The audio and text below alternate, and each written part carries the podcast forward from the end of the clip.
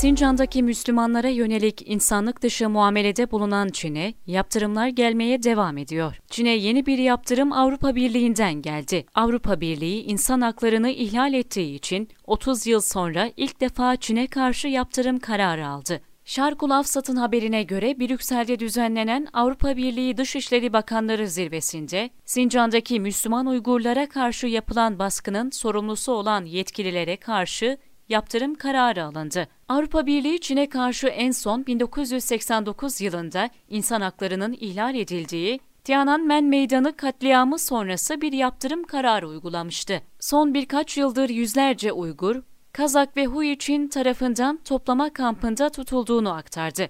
Çin, radikalizm ve terörizmi ortadan kaldırma bahanesiyle 2017'den beri 1 milyondan fazla insanı kamplarda mesleki eğitim merkezleri adı altında zorla tutuyor.